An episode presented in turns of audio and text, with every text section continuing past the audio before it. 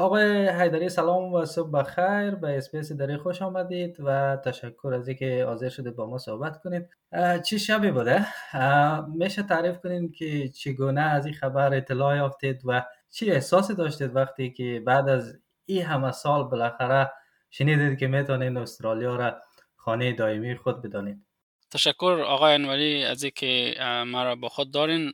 ما دیشب همی خبر شنیدم از طریق SBS یک از دوستام را با ما share کردن. واقعا یک خبر بسیار شاد کننده بود که ما منتظر از این خبر تقریبا در چند ماه آینده خیلی به شدت بودیم و در کل در ده سال گذشته ما خیلی تظاهرات و لابیگری ها و ادوکسی زیاد کردیم تا امروز در این نتیجه برسیم که ما بتونیم ویزه دائمی بگیریم و بتونیم فامیلای خود در استرالیا اسپانسر کنیم بین خب احساسی را که در زمان داشتید واکنش را که داشتید امور برای ما تعریف کنید ما واقعا شاک شده بودم و نمی‌تونستم مشکای خود را بگیرم. ما خود ما مجرد هستم ولی خیلی تاثیر زیاد داره در زندگی شخصی از ما از یک بتونم دانشگاه برم و یک کشور بتونم خانه دائمی یا خانه امن خو بتونم بگویم مثلا کشور استرالیا را.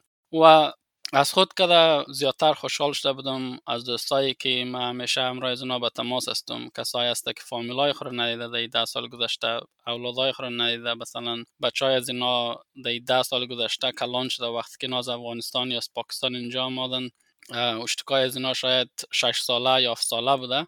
این حال اونا ده ساله 18 ساله شده که اینا دوباره می‌تونه اونا رو بینگره و همراه اونا یک زندگی مشترک را ایجاد کنه. نمی‌تونستم دیشب خوشم واقعا چون همون دوستایی که های زندگی خوره و دردای خوره همراه از ما شیر کرده بودن یکسره اونا پیش میمودن و یکا از اونا را ما دیشب وایش که زیادتر میشناختم زنگ دادم پشت تلفن گریان می‌کردیم چون واقعا یک, یک لحظه بود که زندگی از مو چنج شده بسیار خوشحالم برای شما. میشه که این باره بگویید که امی دو تا ویزه که شما در کنار 19 هزار نفر دیگه برای سالها روی از ویزه بودید که ویزه حفاظت موقت یا تی پی وی و همچنان ویزه پناهگاه امن یا شیف است. معلومات بدین که اینا چی رقم ویزه ها بودن یا هستند که هنوز هم هستند ویزای پناهنده موقت یا TPV که Temporary Protection Visa یا شف که Safe Haven Enterprise ویزا است برای سه سال و پنج سال. به مهاجرین داده شد که از طریق کشتی بین سال 2012 و 2013 آمده بودند و کدام پاتوی یا کدام رای برای ویزه دائمی نبوده بر از این مهاجرین به شمول خود ما که ما بتونیم ویزه دائمی بگیریم به او خاطر از امو رایتس یا حق, حق حقوق یک پناهنده که در ویزه دائمی بود ما برخوردار نبودیم. کل چیز به حساب برای از ما موقتی بودن اگر می‌خواستیم درس بخوانیم باید هزینه محصل بین المللی رو می‌دادیم. فامیل خوردن نمی‌تونستیم. کل چیز به حساب یک موقتی بود دولت به می آرزو بود که شاید کشورهایی که پناهنده از اونجا آماده یک وقت امن شد و اینا رو پس رهی کنه. ولی موفق نشده. متاسفانه افغانستان هم که ما شما خبر داریم در یک وضعیت خیلی وخیم قرار داره. به او خاطر اینمی ویزای موقتی دیگه حال از بین ما با ویزای دائمی تبدیل میشه که استاتس رزولوشن میگه.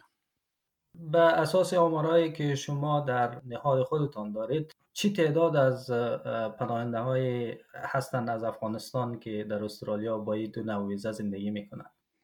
از افغانستان حدود 5000 مهاجرین در ویزای موقت زندگی مونه که یا در ویزای تی پی وی یا شف فعلا هستند. و متاسفانه بعضی شهروندان افغانستان در ویزای bridging هم هسته که اونا فعلا دولت کدام پلان اعلان نکده که مو امو ادوکسی از مو بعد از روی از اونا میشه که اونا باید یک fair process بر از اونا باشه تا بتونه در ویزه دائمی درخواست بدین.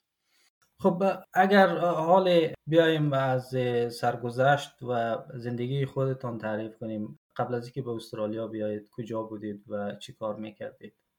ما قبل از اینکه استرالیا بیم شهروند افغانستان بودم سالهای آخر در کابل زندگی می‌کردم. کدام وظیفه خاص نداشتم ولی به خاطر مشکلات های افغانستان نتونستیم که دیگه در افغانستان زندگی کنیم به خاطر هزاره بودن و شیعه بودن مردم هزاره خیلی پرسیکیشن یا حادثات دلخراش را متوجه شده مخصوصا در 20 سال آخر 20 سال گذشته و متاسفانه مو وضعیت فعلا هم ادامه داره. مخصوصا از طرف رژیم طالبان که اینا در طی 20 سال یا بالای 20 سال گذشته همیشه حملاتی هزارار یا همیشه نه زیادتر وقتا در اوده گرفته.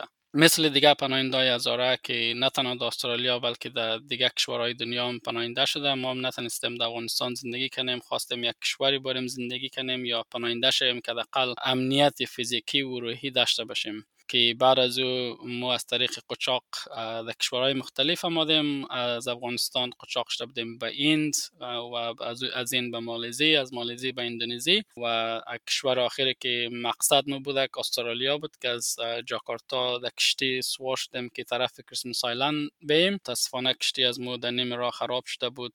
مسیر قرار بود که در حدود 24 ساعت مو تای کنیم. به خاطر کشتی خراب شد مو 5 روز 5 روز و 5 شب سر یاو بودیم امی که امروز زنده هستیم و از این مسیر پر خطر زنده مونده می خود از یک میریکل است یا یک معجزه است یا معجزه است که ما زنده موندیم و تونستم در استرالیا در ده سال گذشته زندگی کنیم و در اینجا متاسفانه در ده سال گذشته زندگی خیلی با یک شرایط خراب بوده که از نگاه فیزیکی مو شاید امن امن بودیم. کسی نبود که مو را به حساب بکشه به خاطر هزار بودن مو یا به خاطر شیعه بودن مو یا به خاطر کارهایی که ما انجام میدیم. ولی از نگاه روحی زجر خیلی زیاد کشیدیم در این سال گذشته به خاطر کل چیز یک رقم موقتی بود.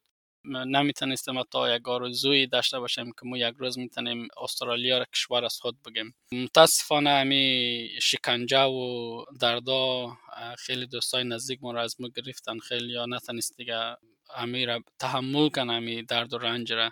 ما دوستای را می‌شناسم که گفت در افغانستان طالبا شاید ما را کد مرمی بزنه بکشه یا کد یک بام بزنه بکشه که مو امو درد را شاید برای چند ثانیه حس کنیم و بعد از دنیا بریم.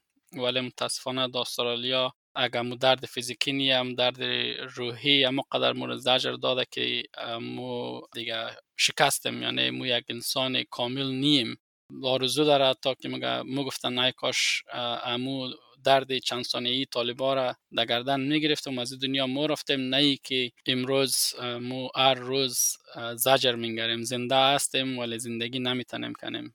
به خاطر شکنجه های پالیسی یا استرالیا. آورده بود سر از ما. خب بعد از اینکه سفر پرخطر پشت سر گذاشتید و به استرالیا رسیدید چی مدت را در کمپ ها ماندید و بعد از چی مدت رها شدید و چطور شد که به شما ویزه تی پی وی دادن؟ وقتی که ما استرالیا رسیدیم در نوامبر 2012 کمپای نارو و مانوس باز شده بود. خیلی ماجرین روانم کرده بود در اونجا. بازم یک خیلی خوش چانس بودیم که مورا در او او کمپا روان نکردن در مو سال سال 2012 به جای از مورا در یک ماه در کریسمس آیلند بودیم حدودا. بعد از او مورا در تازمانیا یک refugee camp بود در اونجا روان کردن. به خاطر گفت که نارو که دیگه PNG دیگه ظرفیت نداره که ماجر قبول کنه. اما هر دو کمپی را که نا جور کرده بود پر شده بودن. باز یک دو ماه در تازمانیا در کمپ مندیم بعد از او به مو بریجنگ ویزا دادن. گفتک ویزه موقتی است برای شش ماه. اجازه کار نداشتیم و خیلی سختی های زیاد کشیدیم. دولت هم پیام شمی بود که ویزا را برای شما میدیم تا مو بتونیم دیگه کمپ جور کنیم یا جای جور کنیم در نارو و پی جی. تا او وقت شما اجازه میدیم که در جامعه زندگی کنین.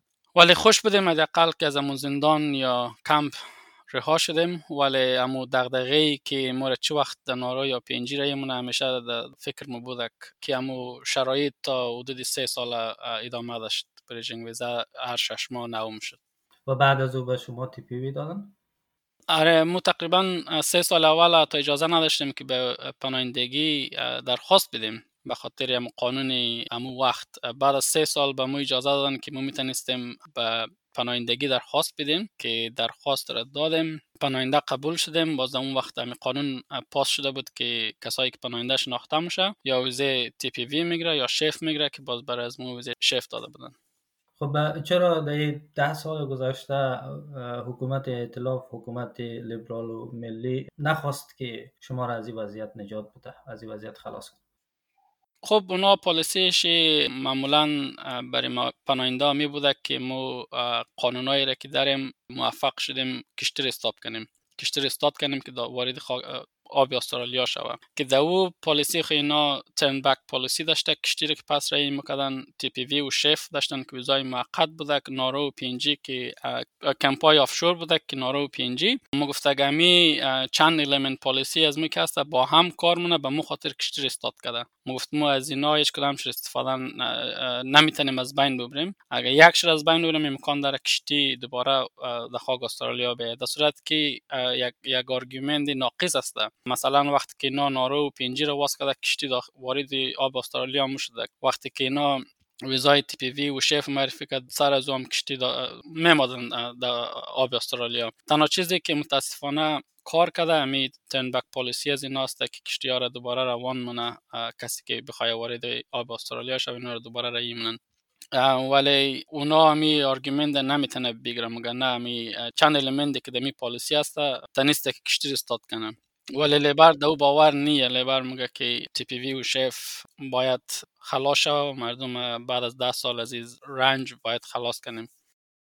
خب اینا همونطوری که شما اشاره کردید پالیسی بازگرداندن کشتی ها تا نیست که از آمدن کشتی های بیشتر جلوگیری کنه اما حکومت قبلی از طرف دیگه کسایی را که به امید آمدن به استرالیا آمده بودند و سالهاست که در اندونزیا به سرنوشت خوابیدن هیچ وقتی نخواست که اونا را به صورت سریع اما درخواست های پناهندگی از اونا رسیدگی کنه و اونا را به صورت قانونی به استرالیا بیاره. درست؟ بله یک از امو المنت پالیسی از یا می بود کسایی که در اندونزی بعد از 2014 رسیده اونا را تا طریق سازمان قبول نمونه که بره به حساب د استرالیا برن اونا و دلیلش باز می بود که اینا نمی‌خوایم ویو یا موج مهاجرین در اندونزی زیاد کنه ولی متاسفانه لیبر نظام مو پالیسی خوره عملی مونه. مهاجرین که بعد از 2014 اندونزی آماده نظام مگم اونا را قبول نمونیم. خب به عنوان سوال آخر این رو می‌خوایم بپرسم که چی وقت شما از امروز اجازه دارید که برای ویزای دائمی درخواست بدید خودتان در نظر دارین که درخواست بدید از media release یا release رسانه‌ای Minister Giles یا وزیر immigration واضح است که ما از امروز می‌تونیم به ویزای دائمی درخواست بدیم. منتها مو step های عملیش رو تا بال نشر نکردن که امروز امکان داره در رسانه بیه. بعد از ما می‌تونیم امو step ها را پیش بریم تا بتونیم ویزا بگیریم. تا جایی که من خبر دارم زیاد چی نیه پر جنگجال نیه خیلی یک step های راحت است و کسایی که فعلا اپلیکیشن داده برای TPV و SHEV که نو کنه که دو خود ما مستم مورم اتومات ویزا میده ویزا دائمی به جای دیگه ویزا TPV و SHEV ویزا دائمی میده مو status resolution ه. بسیار خوب. آقای داری بازم خیلی تشکر از که وقت گذاشتید که با ما صحبت کنید. روزتان خوش و موفق باشید.